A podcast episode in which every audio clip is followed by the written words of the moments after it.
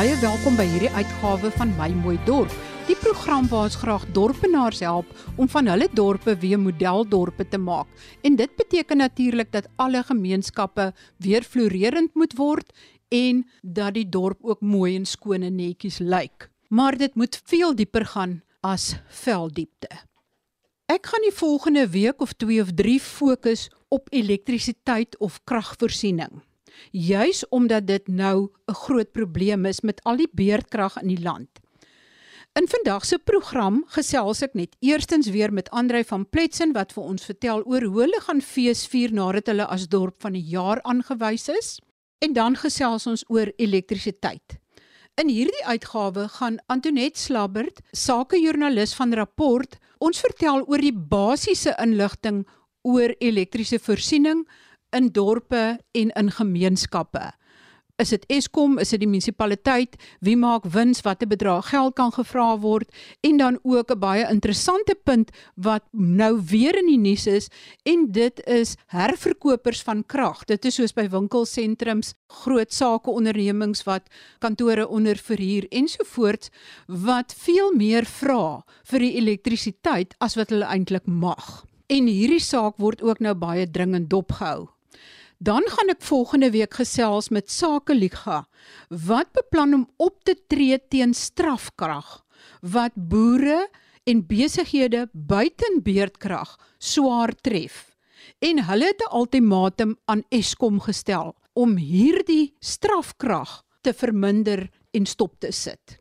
En dan gaan ons binnekort ook kyk nou dat alternatiewe in groenkrag makliker opgewek kan word na veral sonpanele want dit is een van die gewildste maniere. En ek het verneem dat daar 'n nuwe sonplaas kom in Noord-Kaap maar is dit die jongste tegnologie sonpanele? Ons gaan dit vasstel in van die volgende gesprekke binnekort Kom ons hoor wat Andrei van Pletsen, een van die stigterslede van Ignite and Revive van Kroonstad vertel oor die Makiti wat beplan word vir die dorp van die jaar van die naweek van 2021 Oktober. Marie, dankie. Ons wil vir almal wat naby aan Kroonstad bly en al bly jy ver, kom kuier asseblief by hierdie groot Kia Makiti wat Kwela 'n prys aan ons gaan oorhandig van die miljoen rand gratis TV ligtyd wat ons gewen het. En op hierdie Makiti hy begin die donderdag aand met 'n diner van 400 die hele Vrydag is daar 'n Makiti met sangers wat optree Bok van Blerk die Vrydag aand. Die hele Saterdag is daar mense wat optree. En die Saterdag aand is daar kunstenaars daar's TV sterre wat daar 'n seremoniemeester gaan optree en dan die Sondag gaan die Makiti aan tot omtrent middagete en ons het 'n baie baie bekende prediker in Suid-Afrika wat ons klaar genader het. Ons wag net vir die ja-woord en dan op die Vrydag, dit is nou 20, 21, 22 en 23 Oktober, dit sal 'n jaarlikse Makiti nou wees. Dis die eerste van die jaarlikse fees. Dit is ons noem hom die Ignite and Revive fees en dan op die 21ste, die Vrydag hou ons nuwe Trio Hoërskool 'n groot oop dag. Dis een van die skole met die wydste vakkeuses in ons land wat aanbetref akademie, landbou en tegnies en daar's 'n baie baie groot oop dag. So almal wat graad 7's het wat volgende jaar graad 8 toe moet gaan, kom asseblief na die oop dag toe op 21 Oktober hierdie jaar. Dankie hoor. Ek gesels nou met Antonet Slabbert bekende sakejoernalis van Rapport oor die basiese feite oor elektrisiteitsvoorsiening deur munisipaliteite wat almal eintlik van moet kennis neem. Dit is soos kragvoorsiening in jou dorp 101. Inwoners en burgers van die land se reg op basiese skoon water of op watervoorsiening is verskans in die grondwet. Jy mag nie meer as 7 dae 'n jaar sonder water wees nie. Is daar enige iets wat sê dat die regering vir sy mense, met ander woorde die inwoners van die land, elektrisiteit moet verskaf? Kan mens daarop aanspraak maak sover jy weet? Daar is nie in die grondwet soos wat betref water 'n fundamentele reg op elektrisiteit gestipuleer nie. Daar was wel al uitsprake in die Hooggeregshof wat in daai rigting gaan, maar dis nog nooit deur die grondwetlike hof bevestig nie. Maar as 'n mens nou mooi dink dan besef jy in ons moderne samelewing is elektrisiteit maar grondliggend aan alles. So implisiet is dit eintlik 'n fundamentele reg want as jy nie elektrisiteit het nie, dan werk die dorp se waterpompe nie. Dan gaan jy ook nie water hê nie. Die lykshuise gaan nie werk nie. Ag daar is 'n legio goed wat ek dink eh, die dorpe waar krag al afgesny is beleef het. So dit is definitief grondliggend aan ons moderne samelewing. Hoe werk elektrisiteitsvoorsiening deur 'n munisipaliteit? Ek kyk byvoorbeeld na dorpe en streke en dan sekere dorpe kry of sekere gebiede kry dit direk van Eskom en dan kry die mense binne in die dorp kry dit van die munisipaliteit af. Hoe werk dit? En dan as die munisipaliteit die elektrisiteit verskaf aan sy inwoners. Mag hulle wins maak daarop? Nommer 1. Nommer 2 is daar 'n formule waarvolgens hulle die tarief aan hulle inwoners moet bereken? En die derde punt is hou hulle by hierdie formule. En die vierde punt is as hulle by hierdie formule hou, sal hulle genoeg inkomste kry om waarlik aan hulle begroting te voldoen en dienste te kan lewer aan die inwoners van daardie gebied waarvoor die plaaslike owerheid verantwoordelik is. En as daar skielike bepaling uitkom wat sê hulle mag glad nie wins maak nie, hulle moet by daai formule hou, gaan daar nog meer dorpe en plaaslike owerhede in die moeilikheid kom omdat hulle dan nie dienste kan lewer nie. Hoe groot dink jy is hierdie probleem. Wat help dit as hierdie mense die formule volg en die plaaslike owerhede stort nog verder in duie? In die meeste munisipaliteite sal 'n mens vind dat daar dele van die munisipale regsgebied is waar Eskom direk aan verbruikers krag verkoop. Dit is eintlik maar 'n historiese situasie waar Eskom in die verlede meestal die plaasgebiede en ook die townships van krag voorsien het en die munisipaliteit wat vroeër jare beperk was tot die hoofdorp eintlik maar net in die dorp krag voorsien het. Op die oomblik probeer Eskom oorneem by dorpe waar die dorpe sukkel om hulle Eskom rekeninge te betaal. Hulle wil dit op 'n agentskapsbasis doen. So 'n munisipaliteit mag wins maak uit elektrisiteit, maar dit is beperk. Volgens wet mag 'n munisipaliteit die koste verhaal deur kragtariewe wat dit hom kos om krag op te wek plus 'n redelike winsgrens. Nou daar word nie bepaal presies wat 'n redelike winsgrens is nie en die energiereguleerder NERSA moet hierdie tariewe goedkeur. Wanneer hy dit goedkeur, neem hy ook iets soos bekostigbaarheid in ag en dan kan hy daai winsgrens bietjie hoër meer toelaat of dit 'n bietjie sny. Nou wat op die oomblik gebeur met die vaststelling van munisipale tariewe is dat baie min munisipaliteite regtig weet wat dit hulle kos om krag op te wek. Hulle moet kostestudies doen. Nersa het al 'n hele paar jaar gelede gesê hulle moet kostestudies doen, maar baie min munisipaliteite het dit nog gedoen. En in die stadium word daar eintlik maar net aan die hand van 'n riglyn wat Nersa elke jaar publiseer, verhogings toegestaan. Daar is partye wat hierdie kwessie na die hof toe wil neem en munisipaliteite wil dwing om werklik te bepaal wat hulle koste is en te hou by die wetsvoorskrifte oor hoe tariewe moet bepaal word. Daar is byvoorbeeld 'n munisipaliteit soos Maribeng, dit is in Brits hier in Noordwes wat onlangs 'n koste-studie gedoen het en dit het getoon dat hulle tariewe eintlik te hoog is, hulle oorverhaal van verbruikers. So Ek sou verbruikers aanraai om druk op hulle munisipaliteite uit te oefen om daai koste-studies te doen sodat ons weet dat ons nie meer betaal vir elektrisiteit as wat ons hoef nie. En die kragverkope is weliswaar een van die hoofbronne van 'n munisipaliteit se inkomste, dit te same met eiendomsbelasting. En as hulle nie kan wins maak uit elektrisiteit nie, dan sal dit definitief hulle lewensvatbaarheid raak. Dit is nodig dat daar van vooraf gekyk word na die finansiële model van munisipaliteite. Maar onthou as hulle hou by die voorgeskrewe formule en hulle wins dis kleiner is, dan kan hulle nog altyd hulle eiendomsbelasting verhoog om genoeg inkomste te verhaal om die nodige dienste te lewer. Maar ek dink in die eerste plek moet daar op doeltreffendheid gefokus word sodat ons weet ons betaal net vir dit wat werklik nodig is om krag op te wek. Is jou rekening noodwendig reg?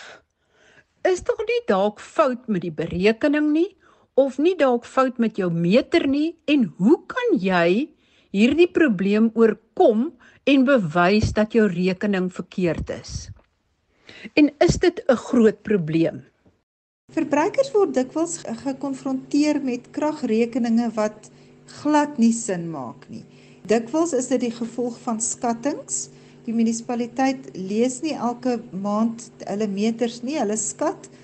En wat dit betref, dink ek dit sal raadsaam wees vir verbruikers om vas te stel of die munisipaliteit 'n munisipale regulasie of bywet het wat die wyse waarop hulle skattings doen reguleer baie munisipaliteite het so iets en en dan bepaal dit byvoorbeeld dat hulle net 3 maande agter mekaar mag skat en dat die skatting 'n gemiddeld van die vorige 3 maande se verbruik was of iets in diervoege. Maar die beste is om uit te vind of daar so 'n bywet is en as jy dit in jou hand het, dan kan jy dalk die munisipaliteit aanvat as hulle verkeerd of heeltemal uit koers uitskat. Daar's ook ander dinge wat kan verkeerd gaan met 'n meter. Die meter kan foutief wees. Dit kan ook wees dat die munisipaliteit die verkeerde tarief toepas. Dit kan wees dat hulle die verwerking van die meterlesing na 'n rekening verkeerd doen, dat daai berekeninge verkeerd is. En dit is regtig nogal 'n groot probleem. Byvoorbeeld by Magalies Water was daar nou 'n onlangse probleem waar hulle 'n nul bygesit het op die uh, eh, BTW wat gehef is. Uh, so dis 140% of 150% in plaas van 15%. En verbruikers moet hulle rekeninge nagaan en dit opneem met die munisipaliteit as daar 'n probleem is. Hulle kan 'n dispuut verklaar wat sal beteken dat daar eh, nie teen hulle opgetree kan word deur hulle kragtoevoer te sny nie. Daar is in die van die munisipale wette is die prosedure uiteengesit hoe dit gedoen word, maar ek weet Afriforum het ook aanwysings daarvoor op hulle webblad gehad. Uh, dit is gereedelik beskikbaar, maar die munisipaliteit behoort ook te kan help. En dan is daar kundiges wat 'n meter kan toets.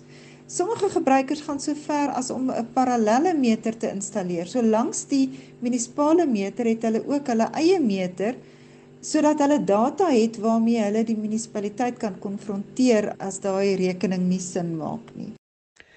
Dan oor die onwettige gebruikers Het jy enige idee hoe groot die probleem is as jy miskien Johannesburg se syfer kan noem van 29%? En is dit so dat al hoe meer sakeondernemings en nywerhede en besighede dan nou ook van onwettige verbindings gebruik maak? Want dit is ook wat ek agtergekom het wat in baie dorpe gebeur is in die eerste plek is die baie onwettige verbindings wat hulle glad nie die inkomste van kry nie en dan is daar baie nie betalers nie. Die mense betaal eenvoudig nie, maar die munisipaliteit sny ook nie noodwendig hulle krag af nie. En die ander ding wat ek ook agtergekom het, is dat by die onwettige verbindings dan gaan maak die munisipaliteit herstel dit en hulle swys daai ding toe en hulle maak dit heeltemal reg. En dan man nie 'n paar dae later is daar weer daai ding oopgekap en weer die onwettige verbindings en as die munisipale werkers sou kom om dit reg te maak, word hulle letterlik met klippe gegooi en opgeskree en geterroriseer. So dit is nogal 'n groot probleem. Hoe kan dit oorkom word? Onwettige kragverbruik het sy deur met meters te Peter of onwettige verbindings in te stel of iemand in die raad om te koop om jou jou rekeninge bietjie laer te maak. Dit is aan die orde van die dag en ongelukkig is dit ook sodat baie besighede dit doen. Toenemend, veral byvoorbeeld in Johannesburg waar die kragverliese weens diefstal so net onder 30% is. Die probleem is as 30% van die krag wat jy verskaf geen inkomste inbring nie, dan moet die ander verbruikers meer betaal om op te maak vir daai verlies aan die 30%. Gemeenskappe moet dus aanmeld uh, wanneer hulle weet van so onwettige gebruik, want anders gaan hulle net self betaal vir hulle buurman se diefstal. Dit gebeur ook dat die munisipaliteit nie optree teen mense wat eenvoudig nie hulle rekeninge betaal nie. Daai agterstallige gelde gaan maar net weer bygevoeg word by ander verbruikers se rekeninge. Partykeer uh, doen die munisipaliteit dit nie omdat hulle nader aan 'n verkiesing kom, daar's politieke oorwegings of partykeer is dit nou maar net versuim.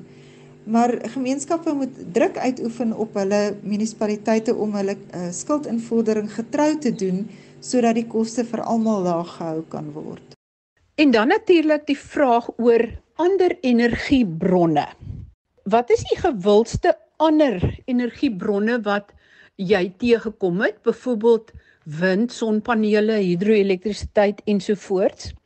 En het jy al baie interessante en innoverende idees teëgekom? Weens die hoë kragtariewe is verbruikers besig om al hoe meer te kyk na ander bronne van kragopwekking en ook die stoor van krag. Ek dink vir huishoudings is die gewildste en bekendste nou maar die sonpanele op die dak en dan ook batterye wat daarmee saamgaan. Die meeste gebruikers kan nie regtig 'n groot genoeg stelsel uh, in hulle huis installeer om heeltemal onafhanklik te raak van die kragstelsel van Eskom en die munisipaliteit nie. En daarom moet hulle nog steeds wanneer hulle krag te min is, kom ons sê wanneer die son nie skyn nie, staat maak op die Eskom stelsel. Nou moet 'n mens verstaan, Eskom of die munisipaliteit moet vir daai uur of 2 of hoe lank dit ook al is wat die uh, verbruiker wel sy stelsel wil gebruik, moet daai kragverskaffers die netwerk en die kragopwekkingsvermoë daarstel en in stand hou. So op die oomblik is die meeste munisipaliteite se tariewe nog nie regtig ingerig vir hierdie tipe van verbruikspatrone nie maar ons verwag dat hulle toenemend die vaste koste komponent van hulle tariewe gaan vergroot om daarvoor voorsiening te maak dat hulle beskikbaar is wanneer die verbruiker hulle nodig het en dat die energie komponent dit wat jy betaal per kilowattuur kleiner gaan word. So verbruikers wat van plan is om vir hulle sonpanele of sulke tipe stelsels in te rig by hulle huise moet in gedagte hou dat die tariefstruktuur van die munisipaliteit en Eskom kan verander en dat dit later dalk vir hulle 'n groter tarief tot gevolg gaan hê as wat hulle nou as wat dit nou lyk hulle gaan betaal. Dan is daar ook toenemend munisipaliteite wat 'n tarief het vir die terugkoop van elektrisiteit. As daai sonpanele nou meer opwek as wat die verbruiker nodig het, dan kan dit teruggestoot word in die stelsel en hy kry 'n krediet daarvoor. Dit sal oor die algemeen nie so werk dat die verbruiker op die ou end geld kan uitkry nie. Hy gaan bloot sy rekening kan laag hou. En dit gebeur weliswaar al op sekere plase. Eskom het ooreenkomste met eh, van die boere gesluit waar dit reeds geskied en daar is enkele munisipaliteite waar dit ook reeds gebeur. Dan is daar die kwessie van herverkopers van krag wat volgens alle aanduidings eintlik 'n onbehoorlike wins maak op hierdie krag wat hulle herverkoop. 'n Wins wat hulle volgens wet nie opgeregtig is nie. Nou 'n herverkoper is normaalweg 'n organisasie wat 'n diens verskaf binne 'n deeltitel eenheid, iets soos 'n byvoorbeeld 'n winkelsentrum of 'n residensiële kompleks of 'n kantoorblok of 'n nywerheidspark.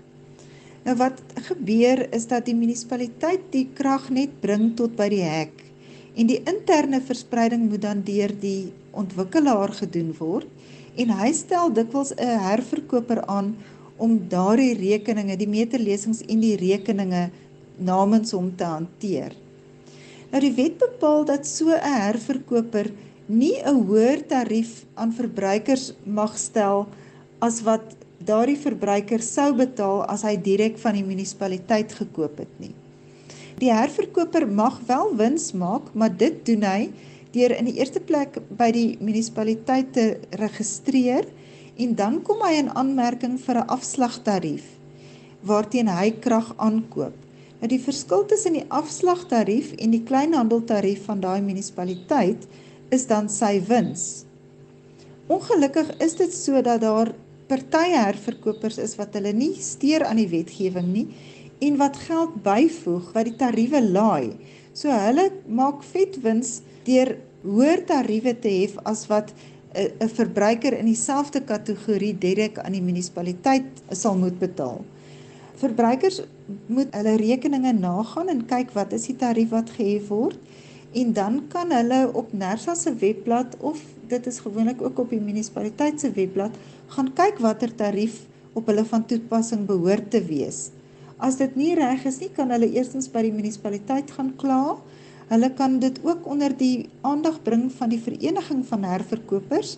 Die afkorting daarvoor is ERASA. En die organisasie sal probeer help of alternatief kan hulle by die energiereguleerder Nersa gaan kla. Baie dankie aan my gaste vandag, Andre van Pletsen van Ignite and Revive Kroonstad en dan ook Antonet Slabbert, bekende sakejoernalis van Rapport oor die basiese inligting oor elektrisiteitsverskaffing in dorpe en dan ook in stede en op plase. Volgende week gesels ons oor die strafkrag wat veral boere en besighede swaar tref en die ultimatum wat Sakeliga aan Eskom gestel het om hierdie strafkrag onmiddellik op te skort. Tot volgende week dan wanneer ons weer sake gesels wat jou dorp raak. Baie groete van my, Marie Hudson.